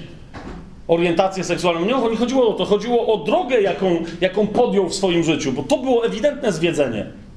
I teraz on, rozumiecie, a tam było cały czas problem, no ale to jest homoseksualista, trzeba, to jest, to jest najważniejszy problem. I teraz ten wcale nie akceptował, absolutnie nie akceptował y, tego, co się z nim dzieje, może mógł to tolerować, ale ci mówią, musisz absolutnie zaakceptować wszystko, co się z nim dzieje.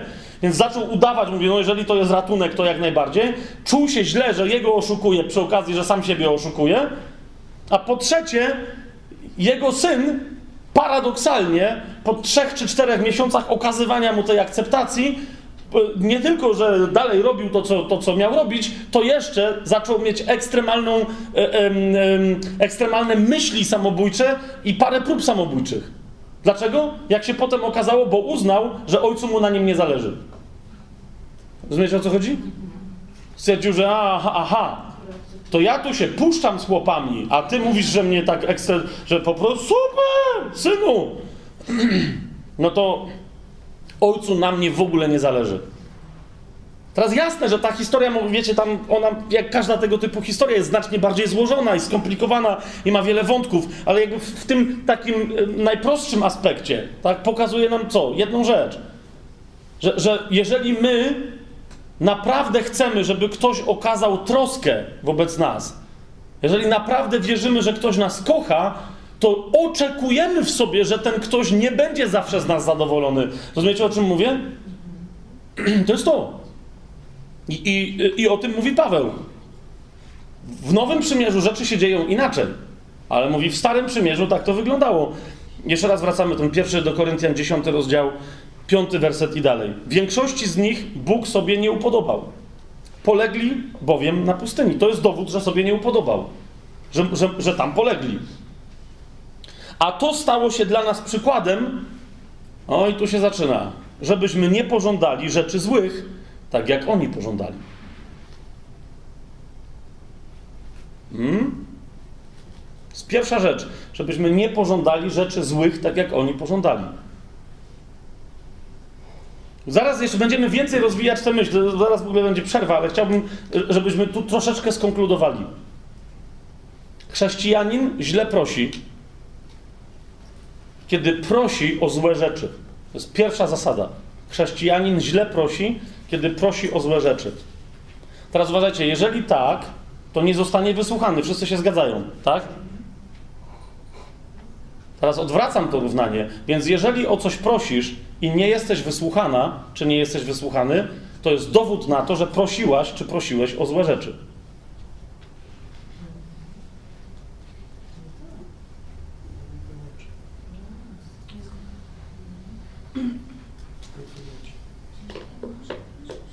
Znaczy, ja jestem przerażony tym, co teraz powiedziałem. Mam nadzieję, że wy trochę też. Bo na przykład ktoś sobie pomyślał, zaraz, zaraz. Miałem czesne. No, no, kiedyś powiedziałem taką rzecz, przyszedł do mnie człowiek, miałem czesne do zapłacenia. Co, co mój syn zawinił? I prosiłem Boga i nie dostałem. Musieliśmy go wypisać z tamtej szkoły. Co było złego w tej prośbie? Bo nie dostałem. Moja żona zachorowała na raka. Prosiłem o jej uzdrowienie. Nie dostałem. Co było złego w tej prośbie? Umarła. I tak dalej, i tak. Hmm?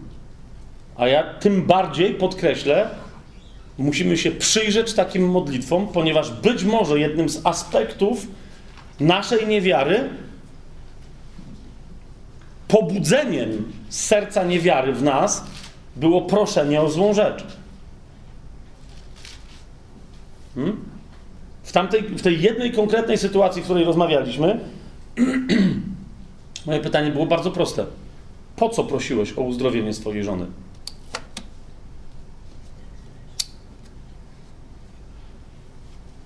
Jeżeli ktoś z Was tak teraz się zastanawia, co to za głupie pytanie, to przemyślcie je dobrze. Osobiście w tym momencie z rękawa mogę Wam wyczepać przynajmniej 10 powodów, dla których ludzie proszą o uzdrowienie bliskich im osób. 10 różnych powodów. I wśród tych, tych 10 powodów nie byłoby prosiłem o jej uzdrowienie, aby mogła wypełnić swoje powołanie. Myśl, którą Bóg o niej miał, kim powinna być i co powinna zrobić w swoim życiu.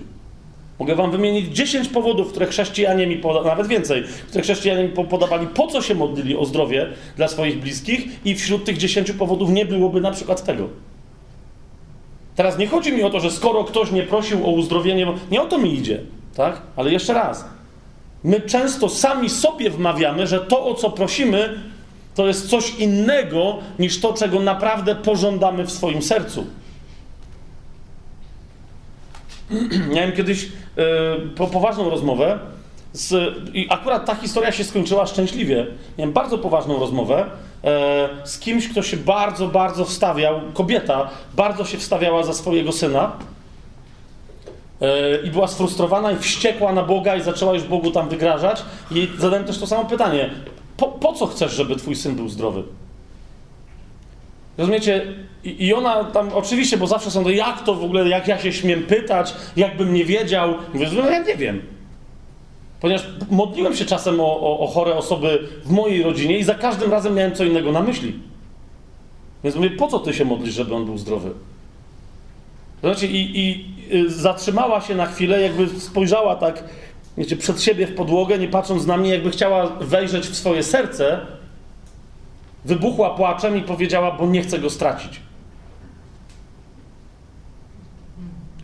Robicie do niej w momencie, w momencie uczciwości dotarło, że ona prosząc o niego de facto prosiła o siebie. Rozumiecie o co mi chodzi? Ten chłopak został uzdrowiony, później chyba po jakichś dwóch czy trzech miesiącach i tam było jeszcze trochę cierpienia, ale dla niej to był moment przełomowy. Rozumiecie, bo ona pokutowała ze łzami w oczach. O czym się tutaj dowiedzieliśmy, że, że ze łzami, rozumiesz, jak sobie uświadomisz, co się dzieje. Że, że wtedy się. Rozumiecie, my bardzo łatwo przed Bogiem my się puszymy, że hej, I jakbyśmy byli przed sądem i jakbyśmy mieli jakąś publiczność, którą chcemy przekonać przeciwko Bogu. I mówię, zobaczcie, jaki case. Jest dziecko chore. Czy to jest niesprawiedliwe prosić o jego zdrowie?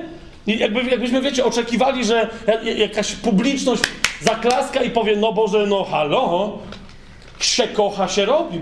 Rozumiecie, jakby, tylko że my między Tobą a Bogiem, rozumiesz, nie ma nikogo, tylko Chrystus, który umarł na krzyżu. Nie po to, żebym ja następnie przez niego miał przejść jak hipokryta, jak się jako hipokryta zbliżam do tych drzwi, którymi Jezus jest. On powiedział: Ja jestem drzwiami. Kto przeze mnie przejdzie, ten wejdzie, wyjdzie z drugiej strony i znajdzie pokarm. Amen? Przez niego się przechodzi, to jest droga nowa i żywa, list do Hebrajczyków. Przez niego się przechodzi do sali tronowej. Macie śmiałość przystępu do Ojca drogą nową i żywą. Ale ta droga jest otwarta i ta droga wiedzie, rozumiesz, idziesz po krwi Chrystusa. Ta droga nie zniesie dotyku hipokryty. Ta droga nie zniesie dotyku rozdwojonego serca. Dlatego taka masa osób nie wchodzi do miejsca najświętszego, bo nie może. A więc stoją daleko od świątyni niebieskiej i zanoszą modlitwę skąd? Stąd! Bo się tam nawet nie przedostają i mają pretensje. W momencie, kiedy przestajesz być hipokrytą i ustawiasz swoje serce, mówisz: Nie, nieporządliwość mojego serca. Nawet jeżeli najpiękniej nazwana, nieporządliwość mojego serca, ale Twoja wola natychmiast przez krew Jezusa i w Jego imieniu znajdujesz się gdzie? Po prawicy Ojca. Ponieważ my duchowo zasiadamy po prawicy Ojca, bo tam Chrystus zasiada, a my w Nim zasiadamy na wysokości niebieskiej. Tak mówili do, do Efezjan.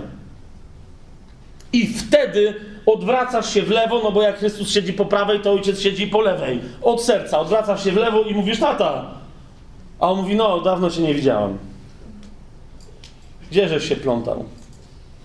Łachmany, dziadostwo, świnią śmierdzisz. Coś ty żar w ogóle. No bo wiesz, mówisz do ojca, a tu zioniesz, nie? Całym tym, wybaczcie mi słowo, ale nie znajduję delikatniejszego, całym tym syfem, którym się nażarło twoje czy moje serce, w ramach całej tej naszej hipokryzji, czego to niby w życiu potrzebujemy, a czego nam Bóg nie daje. Na szczęście ten ojciec, który tam siedzi, który jest moim ojcem i do którego mamy taki śmiały przystęp, jest ojcem z 15 rozdziału Ewangelii Łukasza. Się tym nie przejmuje. Że nam oddech cuchnie, że, że mamy łachmany na sobie zamiast tej szaty białej, którą żeśmy na początku oryginalnie otrzymali, że świnią śmierdzimy niekoszerną. On się tym w ogóle nie przejmuje, tylko wzywa swoje sługi aniołów i mówi: Przebierzcież go. To jak dziad wygląda, to jest mój syn. Niech nikt na to nie patrzy. Dajcie mu pierścień, dajcie mu sandały na nogi. Co będzie boso chodził? To jest nowe przymierze. W nowym przymierzu, w odróżnieniu od starego, Bóg nie każe ci zdejmować butów. Bóg mówi, żeby ci założyć buty i to najlepsze.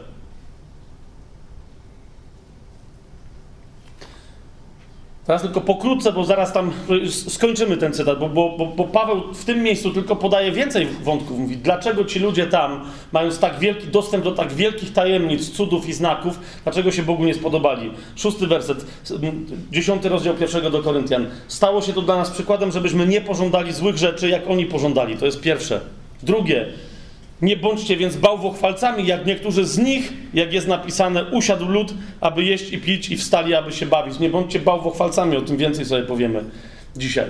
Nie, po trzecie, nie dopuszczajmy się też nierządu, jak niektórzy z nich się dopuszczali i padło ich jednego dnia 23 tysiące. I po dziewiąte, i nie wystawiajmy na próbę Chrystusa, jak niektórzy z nich wystawiali i poginęli od węży. I dalej, ani nie szemrajcie, jak niektórzy z nich szemrali i zostali wytraceni przez niszczyciela. I jeszcze raz po tym wszystkim Paweł właśnie 11 werset mówi, bo to wszystko przydarzyło się im dla przykładu i zostało napisane dla napomnienia nas, których dosięgnął kres czasów. Tak więc kto myśli, że stoi, niech uważa, żeby nie upadł. I o tym dzisiaj będziemy dalej jeszcze mówić. Kto myśli, że stoi i, i, myśli, że jak sobie będzie wmawiał, że stoi, niechże sprawdzi, czy już nie leży. Wierzę, że, że w pewnym momencie dzisiaj stanie się coś w Twoim sercu, nie przez to, co ja mówię, ale przez działanie Ducha Świętego, co pozwoli Ci oczyścić swoją wewnętrzną postawę przed Bogiem, sprawdzić, czy stoisz, wejść do miejsca Najświętszego i zacząć się modlić skutecznie, radując się od razu wysłuchanymi modlitwami. O, po prostu. Nie, nie obiecuję Wam niczego, bo to nie ode mnie zależy ale mówię wam, że to jest pewnik dla każdego, kto wierzy, bo takie mamy obietnice